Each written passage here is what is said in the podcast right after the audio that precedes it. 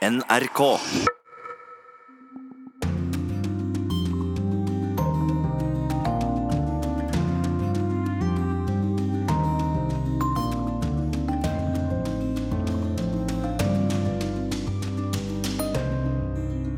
Hvor langt vil spanske myndigheter gå for å stoppe folkeavstemningen i Catalonia i morgen? Og hvor langt vil katalanerne gå for å gjennomføre den? Irakiske kurdere sa ja, men Bagdad sier nei til et uavhengig Kurdistan. Kanskje Norge kan mekle, foreslår en norsk kurder som har reist tilbake til hjemlandet. Bangladesh sliter med å håndtere flyktningstrømmen fra Myanmar, men sørsudanere som flykter til Uganda, de får en jordlapp som velkomstgave. Hva skjer med IS nå som de taper i Syria og Irak, spør vi i podkasten Krig og fred. Og fotball, rase og patriotisme er tema for ukens korrespondentbrev fra Tove Bjørgaas. Vel møtt til Urix på lørdag, jeg heter Wenche Eriksen. Det er under ett døgn til den planlagte folkeavstemningen om uavhengighet i Catalonia. Folkeavstemningen som regjeringen i Madrid sier er ulovlig, har skapt den største politiske og demokratiske krisen i Spania siden diktatoren Francos død i 1975. Europakorrespondent Philip Lote, du er i Catalonias hovedstad Barcelona. Hva skjer nå, og hva kommer til å skje i morgen? Akkurat nå så tror jeg nesten alle katalanere holder pusten, og kanskje ganske mange andre i Spania også. Eh, jeg står utenfor en skole, Institutt Miquel Taradell, og her har nå uavhengighetsaktivister i natt til i dag inntatt skolen. Eh, da den ble tømt for elever i går, så valgte de å gå inn og overta for å gjøre dette før politiet rekker å stenge av eh, lokalene da, som er tenkt brukt som stemmelokaler i morgen. Eh, og Her ligger noe av konflikten. Eh, regjeringen i Madrid har beordret både det nasjonale politiet og det regionale politiet til å sørge for at folkeavstemningen ikke kan finne sted.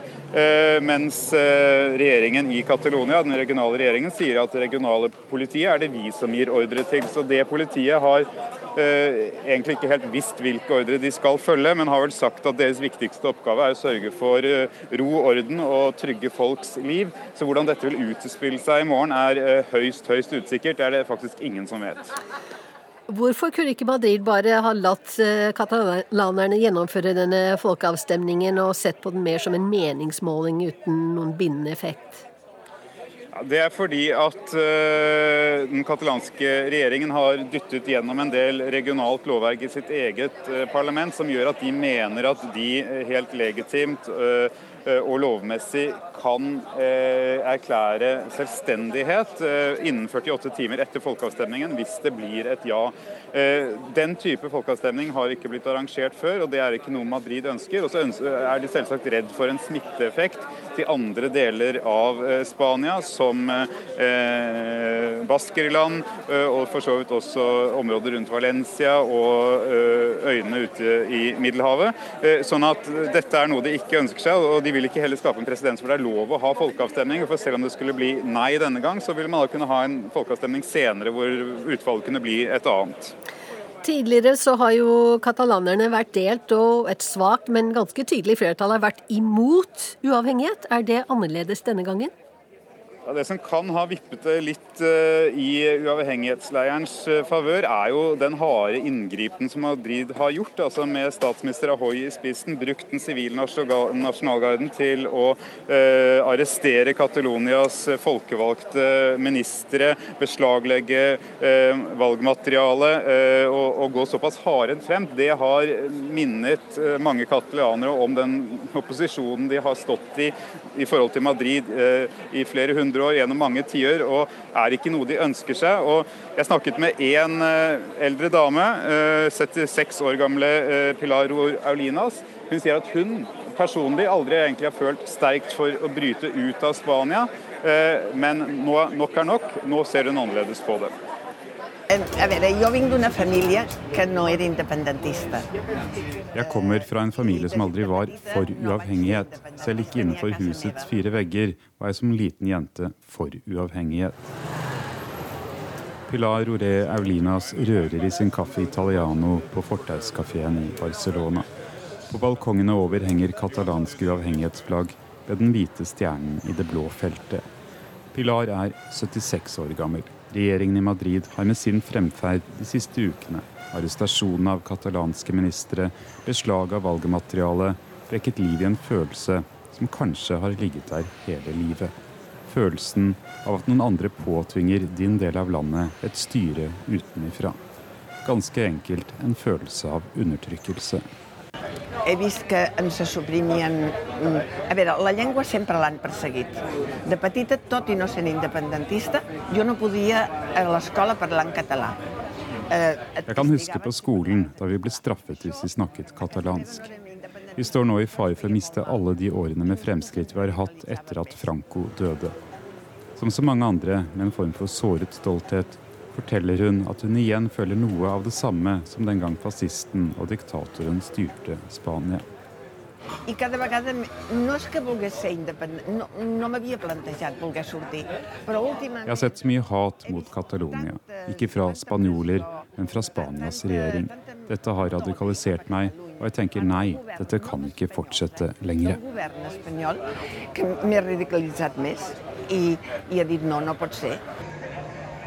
Den nær 56 år yngre Julia Mirapes, drapert med det katalanske flagget over skuldrene, bruker overraskende mange av de samme ordene som Pilar. Kanskje enda sterkere ord. Spain is pushing and repressing us, and it's not a good way to live in this country. And I think it's the best way to do it. Hun og kjæresten Carlos er på vei inn på Plaza de España. Ikke uten en form for ironi er det hit ja-siden, de som sier ja til uavhengighet fra Spania, har lagt sitt siste store arrangement før folkeavstemningen på søndag. We live in a democracy, theoretically, so we have to vote and we have to decide the, um, the way we want to live. And Madrid is uh, forbidden to, to vote, and that's not a democracy, it's a tyranny. Det er mer festival enn opprør i luften. Men popmusikken fra høyttalerne og munterheten blant deltakerne skjuler ikke alvoret. Folk her føler at tiden for dialog har rent ut. Selv om statsminister Ahoy eller en annen ny statsminister skulle tilby mer av skattepengene og enda mer selvstyre. Sjansen for å bli værende i Spania er borte. Yes, because in 2012 uh, we asked a concert of economy and they say no. So why now? Mm, We want to leave Spain, and that's the reality.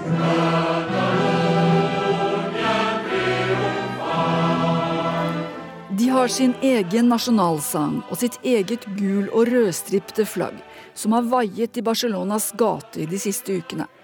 Nasjonalsangen og flagget er noen av de viktigste symbolene på kampen for selvstendighet.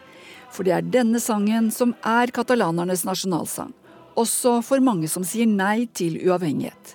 Spanias nasjonalsang hører du svært sjeldent i denne delen av landet. Kampen mellom Catalonia, en av de rikeste regionene i landet og sentralmakten, har pågått i hundrevis av år. Madrid har gått seirende ut og blitt landets maktsentrum, noe mange katalanere aldri har godtatt.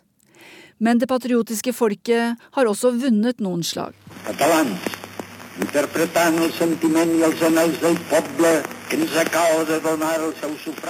I 1931 erklærte Francesc Macià den katalanske republikken, etter at han vant valget sammen med flere uavhengighetspartier.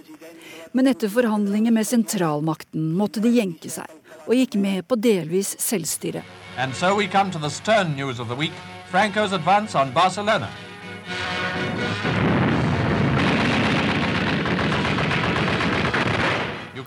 Dette er opptak fra en britisk filmavis om Francos offensiv mot Catalonia mot slutten av den spanske borgerkrigen. Under Franco-diktaturet, som varte fra 1939 og i nesten 40 år, ble det katalanske selvstyret fjernet, og katalansk språk og kultur forbudt. Da Franco døde, danset folk i gatene i Barcelona. Etter hvert ble selvstyret igjen innført. Jeg er rolig og veldig glad. Det sa den katalanske presidenten Artur Mas da han i november 2014 stemte ja til selvstendighet i en provisorisk folkeavstemning.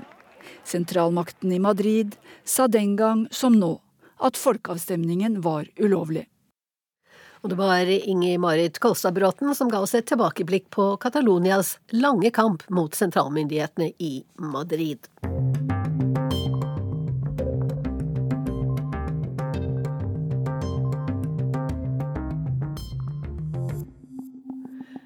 Kurderne i Nord-Irak har allerede holdt sin folkeavstemning, og selv om 92% sa ja til selvstendighet, så betyr ikke det at en ny og uavhengig stat som heter Kurdistan, er rett rundt hjørnet.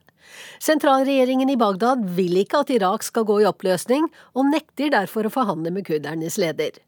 Norge bør kunne hjelpe oss å få samtalen i gang, mener en norsk kurder som har reist tilbake for å bygge opp utdanningssektoren i hjemlandet.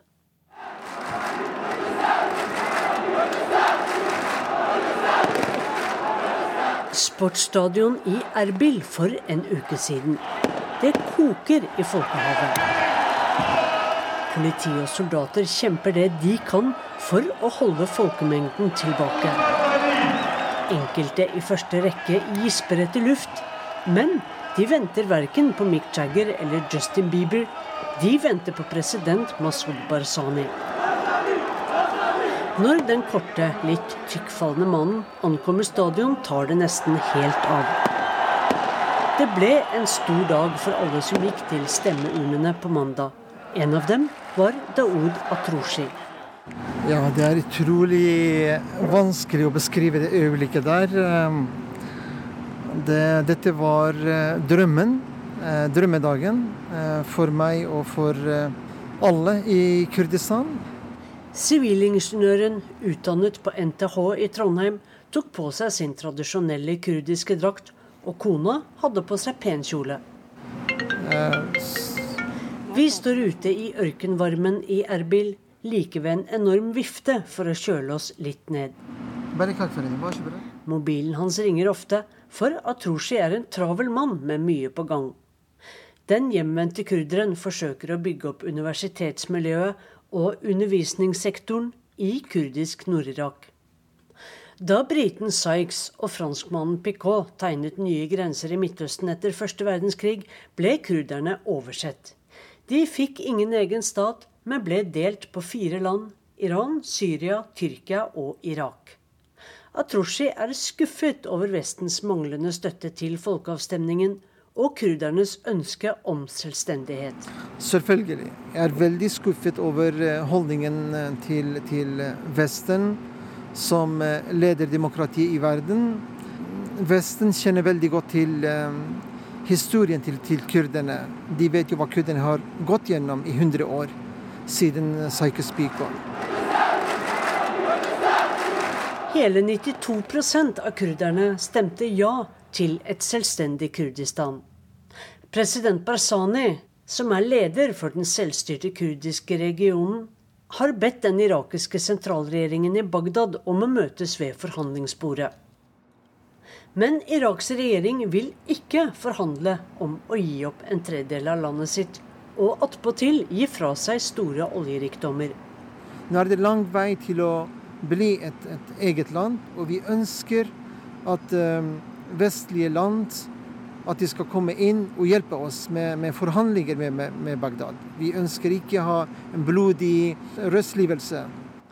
Den norske kurderen skulle ønske seg at fredsmekler og tilretteleggerlandet Norge kunne bidra for å få partene sammen. Det er jo noe som jeg har ønsket ganske lenge, faktisk. Eh, så jeg vil oppfordre norske myndigheter til å ta initiativet også i dette her. Kurderne vil ha en skilsmisse fra resten av Irak, fra det arabiske Irak. For å si sånn, også Generelt så har vi ikke problemer med, med arabere. Men vi har problemer med arabisk mentalitet. Og vi har problemer med selvfølgelig myndighetene i Bagdad. Et lavmål var under Saddam Hussein, som gasset kurderne. Derfor, etter flere tiårs samboerskap med araberne i Irak, vil kurderne helst ha full skilsmisse. Så for oss nok er nok. 100 år ekteskap er nok. Og det må også skjønne Vesten. Når tror du at eh, du vil se et fritt Kurdistan? Vel, jeg håper at vi får det så snart som mulig, men selvfølgelig skjønner vi at dette vil jo ta tid. i verden finnes et sted mellom 30 og 35 millioner kurdere, kanskje flere. De snakker forskjellige språk, er spredt i mange forskjellige land og er uenige om mye. Men om Irak-kurderne får opprettet sin stat om noen år, blir den som Israel en stat alle kurderne kan eller bør bosette seg i? Vel, Hvis det blir et fritt Kurdistan, så er Kurdistan hjem til alle. Alle som ønsker uh, å flytte hit, så vil de, de er selvfølgelig velkomne. Men uh, jeg tror ikke at alle vil, vil, vil flytte hit, vet du. Folk uh, vil jo bo der de bor. Vi, vi, skjønner at hvert land har sitt, sin egen situasjon, og, og de må løse deres egne problemer med deres myndigheter. Vi kurdere i Kurdistan, i Republic of Kurdistan, hopefully soon. Vi kommer til å hjelpe både myndighetene i de nabolandene og selvfølgelig kurdere til å løse, løse deres problemer. Sa Dawood Atroshi til kollega Sissel Wold.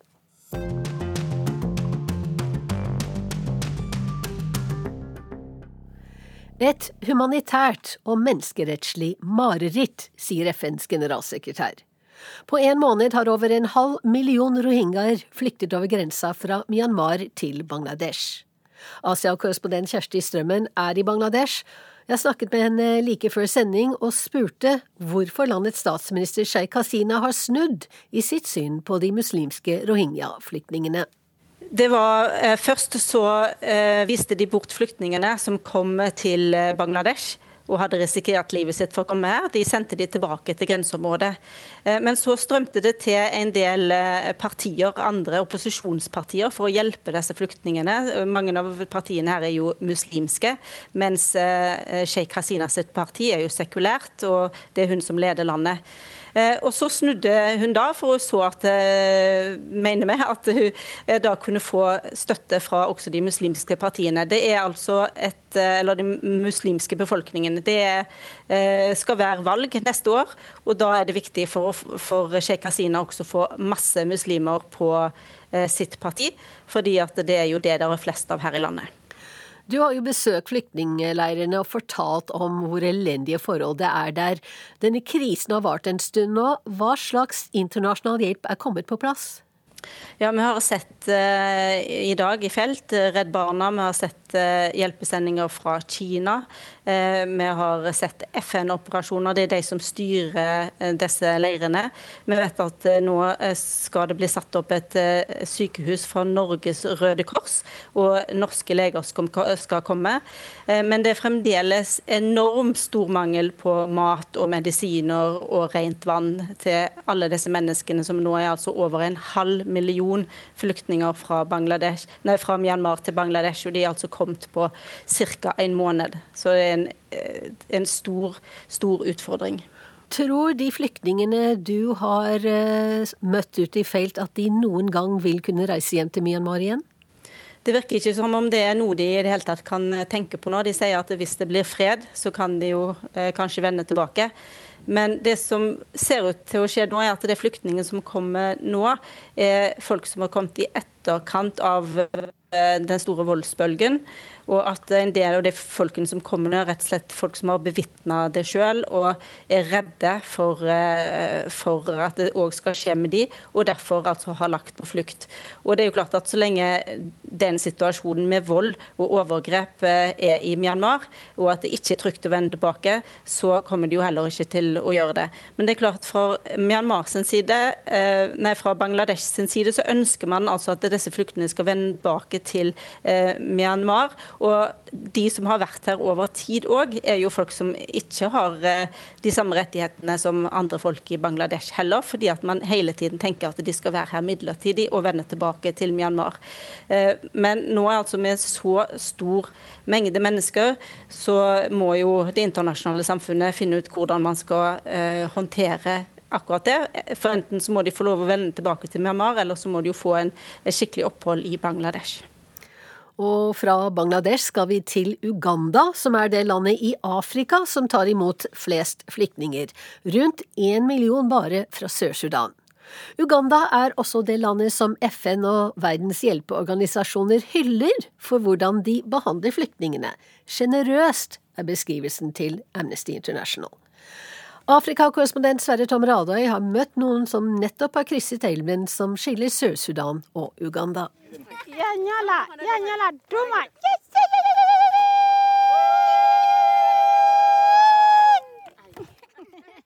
Det er første gang jeg ser henne smile. Et forbløffet ansikt sprekker opp i glede. Joyce Adjo har ellers sorger nok.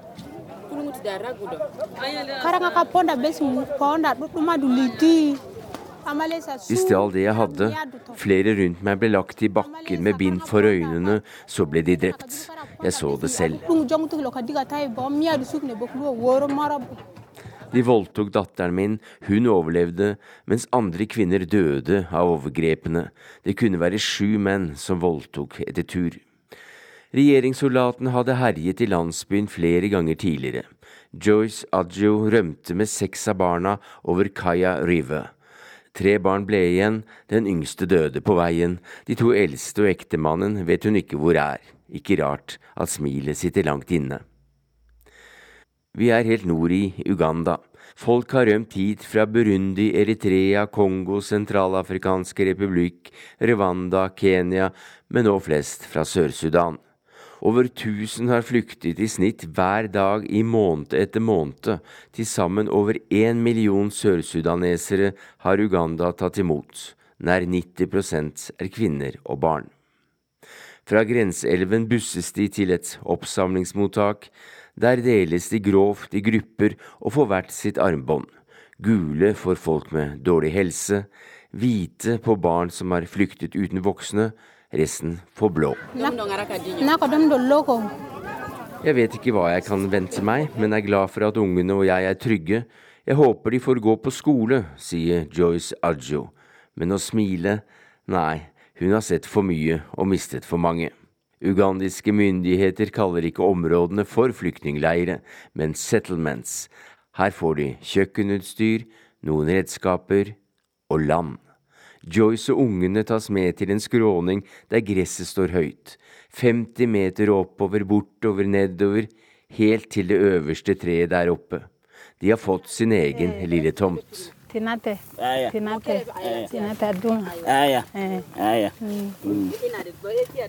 Det hadde jeg aldri trodd. Tusen, tusen takk. Joyce smiler og takker myndighetenes mann Michael Emo. Hun plukker noen strå og binder dem rundt trærne som markerer eiendomsgrensen.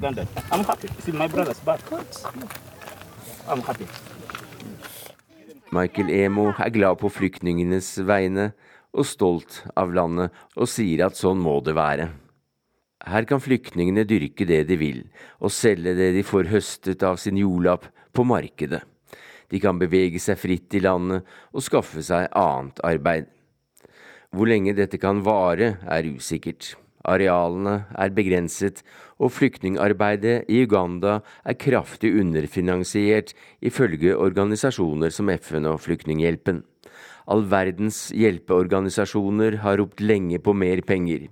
Til nå i år har bare 50% av midlene kommet som trengs, og at verden plutselig fikk en ny stor flyktningkrise, denne gang fra Burma, som får mye oppmerksomhet, hjelper neppe på iveren etter å hjelpe til her i Nord-Uganda.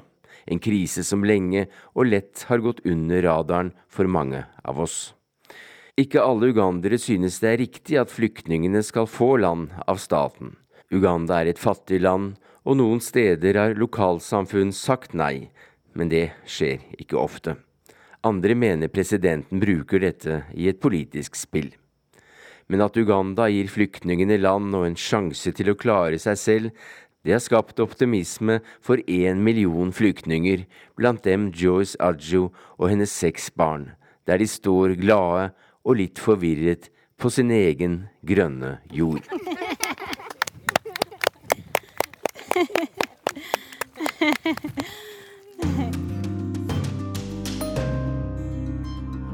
Du hører på Urix på lørdag i NRK P2 og Alltid nyheter. Klokka er 11.27.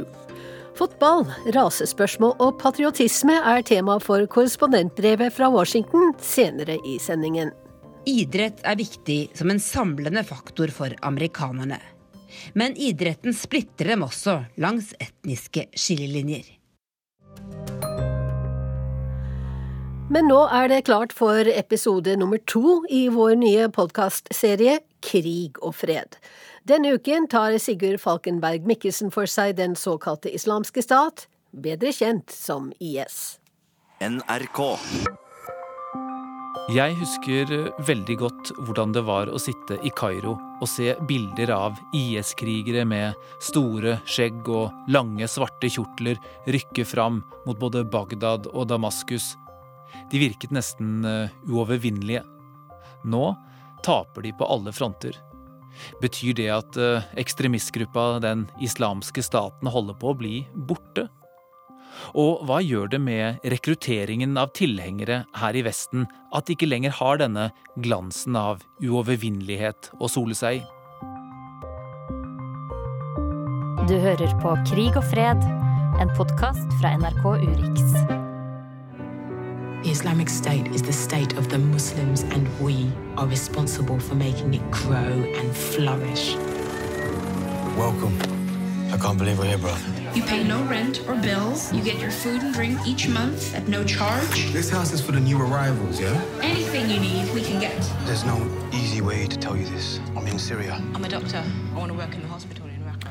Her hører vi et eh, utdrag fra den eh, britiske serien eh, The State, som handler om fire unge briter som reiser til Syria for å bli med i den islamske staten. To kvinner og to menn. Vi kommer tilbake til denne serien litt etter hvert, men aller først Thomas Hegghammer. Du er forsker. Du jobber med IS, den islamske staten, med jihadisme. Akkurat gitt ut en ny bok og er en av verdens fremste eksperter på dette feltet. Eh, hva tenker du om situasjonen til IS eh, i dag eh, på bakken i Irak og Syria? De er svekka. Den protostaten som de hadde for ett til to år siden, den er nå ødelagt for alle praktiske formål. Mosul har de mista, og de er i ferd nå med å miste Raqqa. Så det som skjer nå, er at det som har vært en territoriell organisasjon, er i ferd med å gå over til å bli en uh, ikke-territoriell organisasjon. Altså. Hva mener du med uh, det? Ja, At gruppen ikke lenger kontrollerer territorium, og at de opererer måte, under jorda. og de trekker inn i byer og former celler i hemmelige hus osv. Istedenfor å ha åpne hovedkvarter og med, med kontroll over egne områder. Så det blir en De går under jorda, rett og slett. så de er blitt mye svakere. Men det blir nok mye vanskeligere da å, å ta ut den siste resten av dem. Og i Syria så de også, har de også mange fiender. De har amerikanerne, de har russerne, de har den syriske regjeringshæren, iransk eh, kontrollerte militser med Hizbollah i spissen. Eh, hvordan ser du på dette styrkebildet eh, i Syria? Jeg tror nok at IS ikke vil være en spesielt viktig aktør fremover. Det er såpass mange andre organisasjoner som står sterkere. Eh, og det er et såpass sterkt fokus fra det internasjonale samfunnet på å holde IS nede at jeg tror ikke de vil komme tilbake til den posisjonen som de, som de hadde. Nei, for Da de var på sitt høydepunkt, så drev de et rettssystem, de hadde kommunale bygninger, og de drev sykehus. Og Vi kan jo komme tilbake til denne serien The State og høre et lite utdrag til, nettopp fra et av sykehusene eh, i Raqqa, hvor en av de unge eh, britene da kommer inn. Hun er eh, lege. سامحني أخي أنا أريد أن أرى مدير المستشفى ماذا تريدين؟ أنا طبيب من إنجلترا وأذهب لكي أشتغل Så her hører vi hun presenterer seg uh, til lederskapet uh, i, uh, på sykehuset. Hun er da en kvinne og må slåss for å få lov til å utøve sitt uh, yrke. Uh, fordi hun da må gå tildekket, uh, hun kan ikke ta på pasientene uten å ha på seg hansker. Det er en hel, hel sånn teologisk debatt og også et maktspill som utspiller seg på dette sykehuset. Du har sett denne serien. Hva syns du om måten den portretterer dagliglivet i de IS-kontrollerte områdene? Jeg syns den var veldig bra. Dette er noe av det beste jeg har sett av drama om Eh, ekstremisme og terror eh, noensinne, egentlig. Eh, de har åpenbart gjort mye research, og jeg kjente meg igjen i serien. Ikke fordi jeg har vært i Raqqa, men fordi jeg har sett såpass mye eh, bildemateriale og videomateriale fra eh, innsida av, av, av IS. Og det de gjør bra, er å få frem det du sier, nettopp dagliglivet. Altså det går an å ha et helt vanlig liv der, så lenge, så lenge du er i, ikke ved frontlinjen din. Og eh, det er mye eh, kan si, positive det er pos positive ting ved, ved livet der, altså, som, som, de, som rekruttene opplever det. Man har det hyggelig sammen. Man spiser middag eh, i lag eh, og koser seg. Og, Opplever et fellesskap. Opplever et fellesskap, og, og, og, og man eh, fleiper med hverandre. Det er mye humor, lekenhet. eh, eh, og mye musikk, og man ser på film og, og forskjellig sånt. Det er ikke den her dystre, mørke, brutale eh, hypermacho-kulturen som man kanskje kan få inntrykk av at det er da fra, fra den ekstreme propagandaen. Så, så de får veldig godt frem det her med at eh, der er, eh, der er en del sånn, en del sånn positiv energi, da, i mangel på et bedre ord, da, i, i, på innsiden av denne gruppen. Og det er veldig viktig for å forstå hvorfor folk blir med. For hadde det bare vært eh, doom and gloom, si sånn, så, så hadde ikke folk blitt med. Eh, det er ingen som vil være med i et miljø hvor det, hvor det, hvor det bare er vold og tortur og, og mørke. Eh, det er andre ting òg, og det er det som gjør at folk eh, ble tiltrukket til denne organisasjonen. Eh, Men samtidig så er jo volden aldri langt unna her. Vi er også vitne til brutale voldshandlinger. Eh, Denne kvinnen vi hørte på sykehuset her, hun tar jo også med seg sønnen sin, som etter hvert får en, en IS-utdannelse, hvis jeg kan bruke det ordet, til å bli en kriger. Og vi ser også hvordan han forandrer seg, eh, med noen, også noen meget brutale treningsleire for, for små unger her. Eh, Så det er jo en, er jo en sånn eh, følelse av at, at volden, og, og ganske bestialsk vold, hele tiden er tett innpå dem. Eh, Og også da at særlig for disse kvinnene, eh, som da blir tvunget til å gifte seg eh, med disse krigerne, og det fungerer sånn eh, noenlunde for noen av dem, men at de hele tiden får disse martyrbeskjedene, og at de da er tvunget til å være glade for at deres ektemenn nå endelig har kommet til paradis. Ja, alt det her er, er, stemmer med ting som vi kjenner fra andre kilder. Og det som er interessant her, er jo at de får gått frem det her med at det gradvis at det blir, det blir gradvis verre. Det blir gradvis mer brutalt. Så når du kommer inn som ny rekrutt, ja, da er det fryd og gammen og hyggelige middager osv. Men så litt etter litt, uh, uke etter uke, så, så, så, så kommer det klarere frem hva du egentlig er med på. Og, og hva slags regler du er ment å, å måtte innordne deg, og, og, og, hva slags eh, ting som, som egentlig foregår. Og så, sånn at det blir jo da mer og mer brutalt og mørkere og mørkere utover i, i serien. Jeg tror også det var sånn mange rekrutter opplevde det. Uh, og noe som, uh, som, som jeg syns er, uh, er slående i denne serien, er, er jo denne todelingen mellom flere av hovedpersonene her. Men også altså noen av de går inn i prosjektet med, med hud og hår. Han ene briten går inn i en selvmordsaksjon, mens han andre soldaten hele tiden står litt på utsiden, veldig sjokkert over voldsnivået, torturen, og ikke minst da, da det, at de holder seks slaver fra disse jasidi-minoritetene, som de kidnappet i Irak. Så man er jo også vitne til, i hvert fall gjennom denne serien, da, at eh, de som kommer dit fra Europa, eh, får et eh, en sånn, sånn konfrontasjon med en virkelighet som de kanskje ikke hadde trodd, eller at de trodde at de reiste til noe annet, og at de skulle slåss for noe annet. Ja, og det er jo en del folk som har kommet tilbake og sagt at de ble desillusjonert. Det store spørsmålet er hvor stor andel var det som ble desillusjonert? Og det er vanskelig å bedømme fordi at eh, vestlige myndigheter har jo interesse av at eh, flest mulig At man får inntrykk av at flest mulig blir desillusjonert. fordi det har en preventiv effekt på potensielle fremtidige fremmedkrigere. Og jeg tror nok at vestlige myndigheter har promotert et sånn budskap på en måte, og fremheva de stemmene som var desillusjonerte. Um, og, og, og, og enkelte ganger har man kanskje hørt folk på, hevde liksom at de fleste ble desillusjonert, eller at det vanlige ble desillusjonert. Mitt inntrykk er at det ikke har vært vanlig. Altså De fleste som har reist ned, har, har, har, har innfinnet seg med, med den situasjonen og, og, og syns at det har vært greit. da. Og, at- og, og at det er et lite mindretall bare som er desillusjonert. Men det her vet vi jo ikke helt sikkert. Det vil vi kanskje bare få vite om en eh, fem eller ti eller 15 år, når, når, når, når det her er blitt historie, og når flere folk kan snakke ut. Ja, fordi Noe av slående her, uten å få røpe for mye av serien, er jo nettopp også hvordan kommer man seg ut hvis man ønsker det? Og her det jo, har jo også europeiske myndigheter et, et stort ansvar. Hvordan, hva, hvordan behandler de eh, IS-tilhengere eh, som ønsker å komme tilbake? Og det er sånn som jeg ser det, så det, har forskjellige land litt forskjellig politikk på dette her, hvor noen eh, virker som de ønsker å drepe så mange som mulig der de er. Eh, men dette stiller også et stort spørsmål eh, juridisk, selvfølgelig, men også fordi det er mange kvinner eh, og barn som ikke nødvendigvis har deltatt i stridshandlinger. Ja, absolutt. Eh, her er det masse dilemmaer. Man ønsker naturligvis å få en preventiv effekt, at, at, at andre skal bli avskrekka fra, fra, å måtte reise. På den andre sida så, så, er det jo sikkert noen av de som reiste, som, som eh, kanskje ikke nødvendigvis reiste med intensjon om å slutte seg til IS. At de ble sugd, eller dratt gradvis i en mer radikal retning.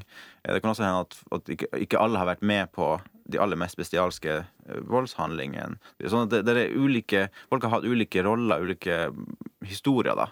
Eh, og det det er jo naturlig å kanskje ta litt hensyn til, til, til det. da. Så det er flere dilemmaer. Og når det gjelder barna, så er jo det et, et et eh, stort og tragisk spørsmål, eh, hvordan man skal håndtere det. Eh, og, og jeg tror at de fleste landene bare måtte føle seg, føle seg frem. Og vi, vi, står egentlig midt oppe i denne prosessen.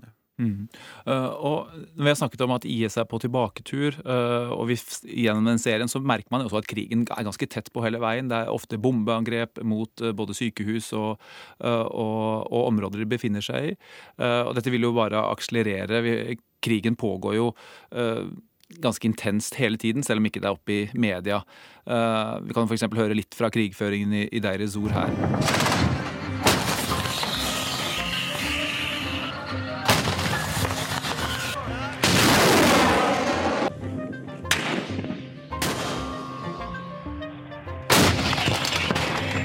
Når det kommer til dette med at IS presses tilbake, eh, hva tror du det gjør med rekrutteringen eh, fra Europa og inn mot organisasjonen?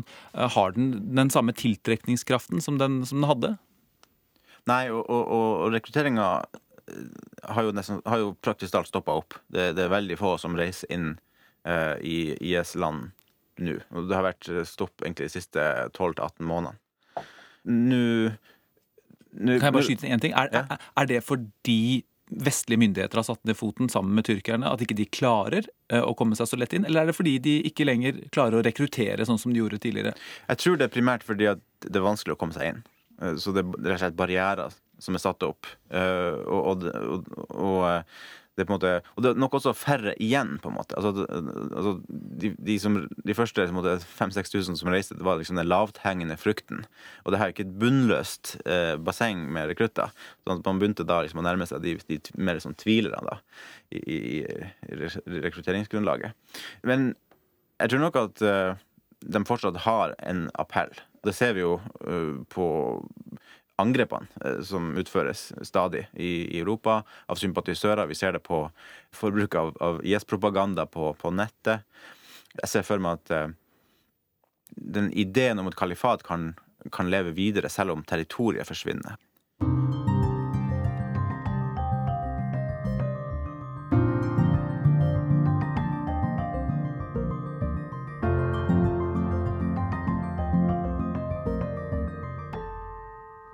My name's Leah Farrell. I am a former counterterrorism intelligence analyst with the Australian Federal Police turned academic, and I specialise in militant Salafist jihadi movements. En av grunnene til at jeg hadde lyst til å prate med Lia, er et bilde jeg ikke får ut av uh, hodet. Eh, det er et par år gammelt, og det kom på sosiale medier. Det var en australsk pappa som la ut bilde av sønnen sin, og sønnen holdt da et avkappet uh, hode. Uh, og pappaen hadde da lagt ut dette med en billedtekst 'That's my boy'. Uh, og det har jo ikke mangla på grotesk propaganda uh, fra IS-hold, uh, men dette er noe av det verste jeg har sett. Og jeg tenkte da at Lia som tidligere politikvinne, nå forsker, og også australsk, så jeg tenkte at Lia kunne være et bra menneske å snakke om den hendelsen med.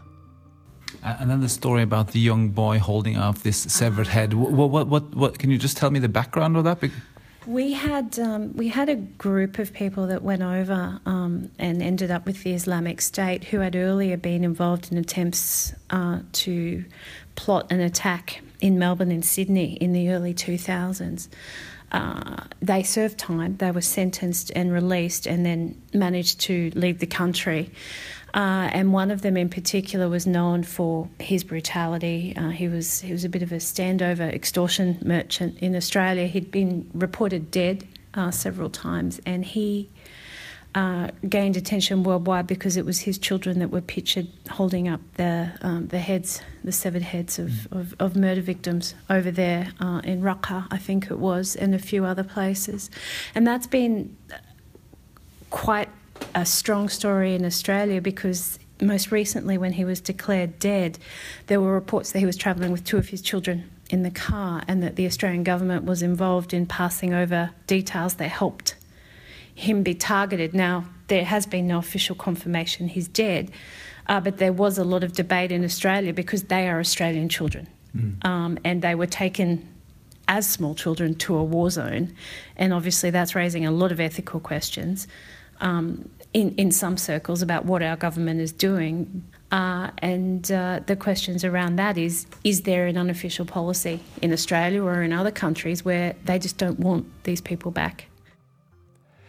Selv om eh, IS eh, altså er på tilbaketog i Syria og Irak og har eh, tapt nesten alle områdene de kontrollerte der, så gjennomfører de fortsatt eh, hyppige terrorhandlinger i Europa. Eh, Og i Australia så var det et eh, mislykket terrorforsøk som har fått mye oppmerksomhet. Det er kjent som The Plane Plot i Australia, og det handlet om et IS-medlem som forsøkte å plassere en bombe på et fly som skulle ut fra Sydney. Og Lea hun tror at vi kommer til å se mer av den type handlinger, men også at eh, Europa er mer utsatt enn hennes eget hjemland. From an Australian perspective, we're quite lucky we're protected by borders. Uh, but what we saw recently with the, the plane plot in Australia is that even a border can't protect you from, from the ambitions of this group. And uh, it's been interesting for me being back in Europe uh, because as I turn my attention to what happens now that we're starting to see the decline of ISIS as a territorial group, uh, they will become more focused on terrorism. And to me, the vulnerability that Europe has is that um, people can come and go more easily. So, in terms of ISIS 2.0 or 3.0, uh, I think that Europe's in for a bit of a rocky road, uh, much more so than, than places that perhaps have, have you know different border arrangements.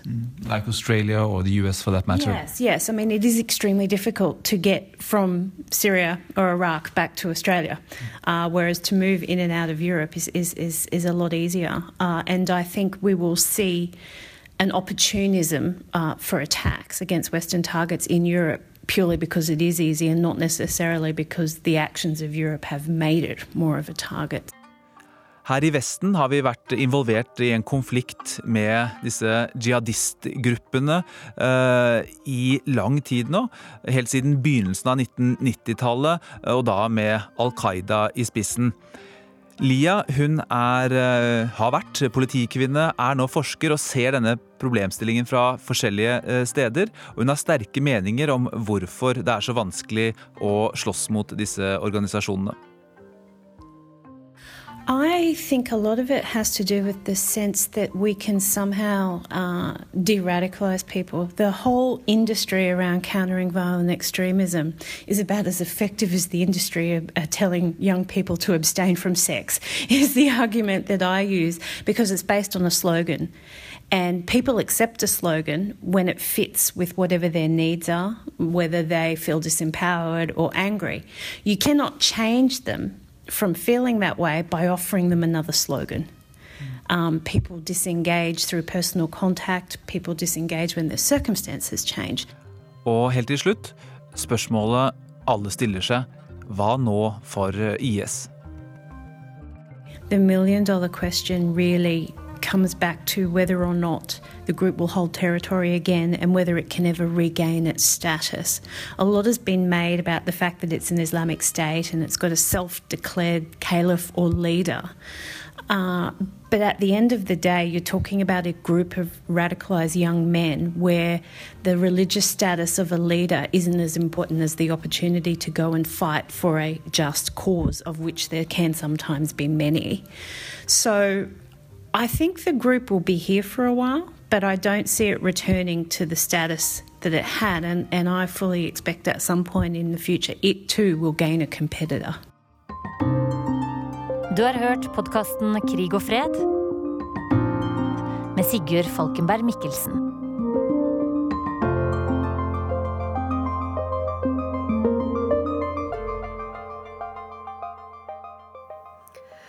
Fotball, rasespørsmål og patriotisme har dominert nyhetsbildet i USA den siste uken, etter president Trumps krangel med toppspillere i National Football League, NFL.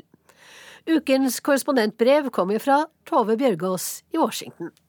Sola steker på gressmatta, men Lafayettes gylne bjørner er klare til kamp. På sidelinja står vi fotballmammaer, jeg innrømmer at det er blitt en slik, og pappaer, klare med vannflaskene til sjuåringene.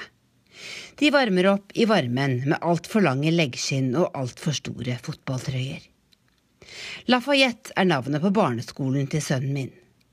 Og siden en bamse er skolens maskot, og trøyene andreklassingene er blitt tildelt i høst er gule, heter laget De gylne bjørnene denne sesongen. I fjor var drakta grønn. Men det ble ingen god sesong for de grønne firfislene. Så nå håper barn og foreldre på flere mål og bedre forsvarsspill. Men akkurat denne lørdagen skal vise seg å bli tøff. For der, i oransje trøyer, kommer motstanderne løpende ut på gresset. De tilhører Oyster Bilingual School. Spillerne til Oyster tospråklige skole har svart hår og mørkere hud enn de fleste på vårt lag. Det er nokså blenda hvitt i det hjørnet av Washington DC der jeg bor. Der må du ut med flerfoldige millioner kroner for et bitte lite hus, selv om jeg med en gang må legge til at ingen amerikaner snakker høyt om hva han eller hun har betalt for boligen sin. Og jo flere barnefamilier som flokker seg sammen i skolekretsen, jo færre skoleplasser er igjen i lotteriet her i Washington, som gjør det mulig for barn fra fattigere bydeler å få plass på de beste offentlige skolene. Dermed blir det altså mer blenda hvitt. Men dette var en digresjon. For foreldrenes eiendomsinvesteringer er ikke noe å stille opp med på fotballbanen denne lørdagen. Ved Oyster tospråklige skole har et stort flertall av elevene spansk som morsmål og bakgrunn fra Latin-Amerika.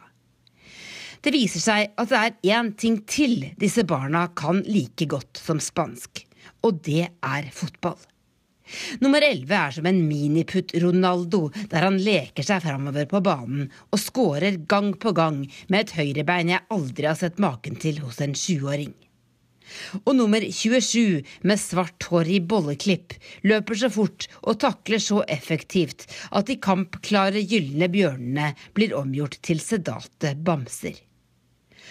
Oyster Bilingual feier rett og slett banen med laget vårt. Vi teller ikke antall mål. Det er ikke viktig, har foreldre og trenere innprentet i barna. Men alle teller likevel.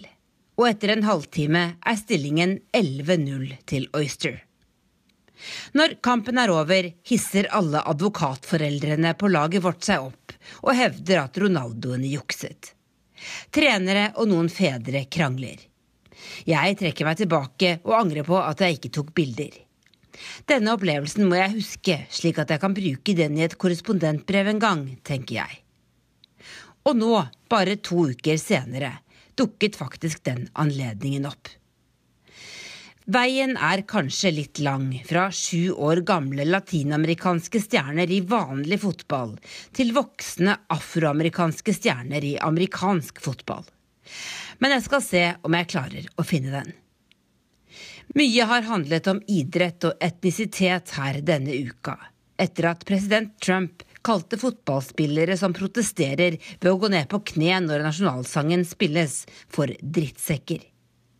Protesten til de afroamerikanske spillerne i NFL ble startet av San Francisco 49ers quarterback Colin Kaepernick i fjor, da han satte seg ned under The Star Sprangled Banner.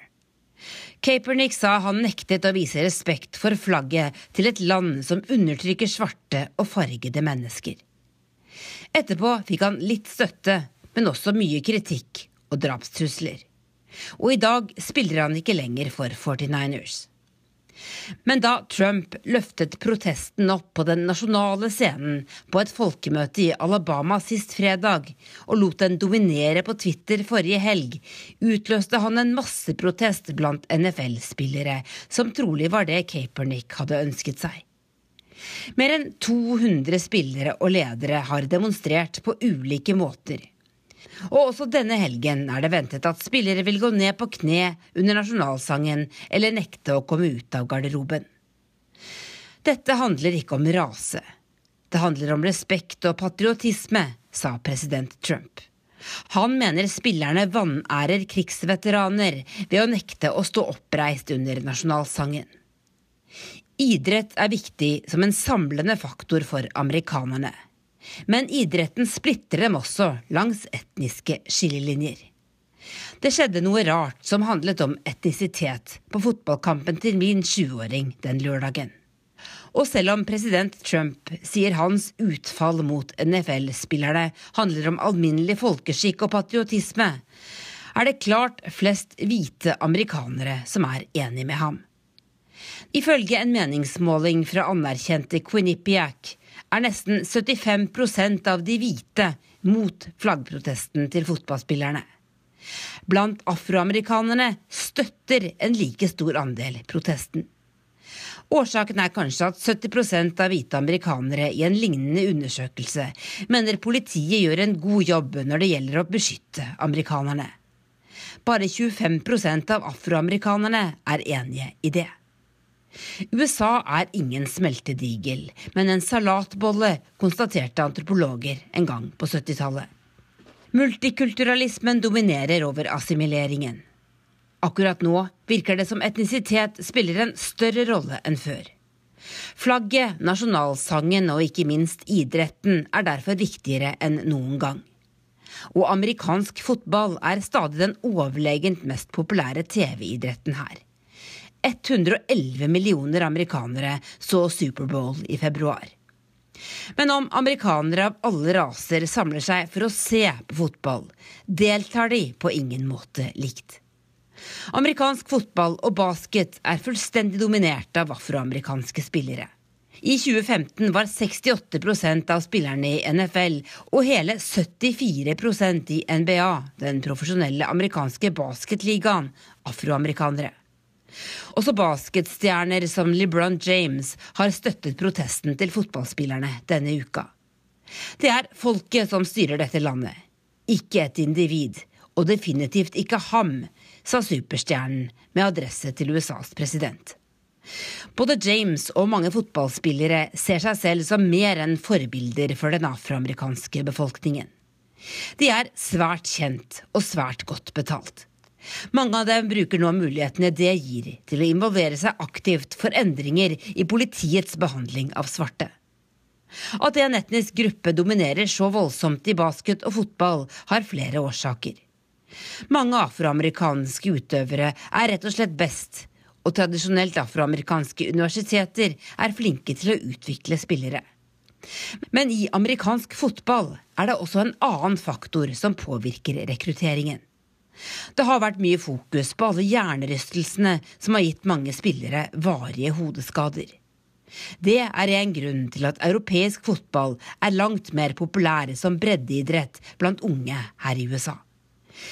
I en undersøkelse blant foreldre CBS fikk gjennomført i fjor, svarte bare 18% at de ville la sine sønner spille amerikansk fotball. 57% sa at europeisk fotball er ok. En annen undersøkelse viste at jo mer utdanning foreldrene hadde, desto flere sa nei til amerikansk fotball for barna. En ny idrettshelg er i gang her, med kamper for både små og store. Det er ventet nye protester på fotballarenaer rundt om i landet. Kanskje med påfølgende twittermeldinger fra presidenten om saken som har dominert nyhetsbildet her denne uka, til tross for katastrofen i Puerto Rico og mye action i Kongressen. Jeg har ikke sjekket hvilket lag sjuåringene våre skal møte i denne lørdagens kamp i europeisk fotball. At Oyster Bilingual kommer til å vinne Miniput-serien, føler jeg meg imidlertid nokså overbevist om. Amerikanere med latinamerikansk bakgrunn dominerer ikke idretter på toppnivå her i USA, på samme måte som afroamerikanerne gjør. Mange mangler statsborgerskap og går ikke på universitetene der rekrutteringen skjer. Men 28% av de profesjonelle baseballspillerne her nå har bakgrunn fra Latin-Amerika. Og rekrutteringsgrunnlaget bør være svært godt også for europeisk fotball i årene framover. Dermed er det slutt på Urix på lørdag, men vi holder deg alltid oppdatert på det som skjer i verden på radio, TV og på nrk.no. Teknisk ansvarlig var Erik Sandbråten, produsent var Jean Erik Bjørnskau, og her i studio satt Wenche Eriksen.